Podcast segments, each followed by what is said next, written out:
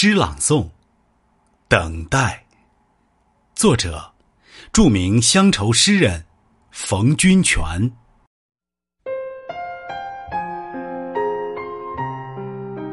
在梦中，我是幽灵，穿越八百里秦川，飘过崇山峻岭，在晚霞的吟唱中，隐身于。残茶山野，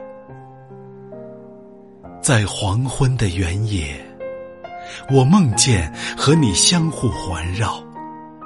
在气味深处，你拨响乐器，一声、两声、三声，试探村庄的动静。我在村巷里盲目穿行，寻找儿时的气息。一排排新瓦房，屹立在村庄最原始的地方，只是没了灵气。在一堆草垛旁，两只蚂蚁在无聊的争夺，生锈的铁环。是唯一的观众。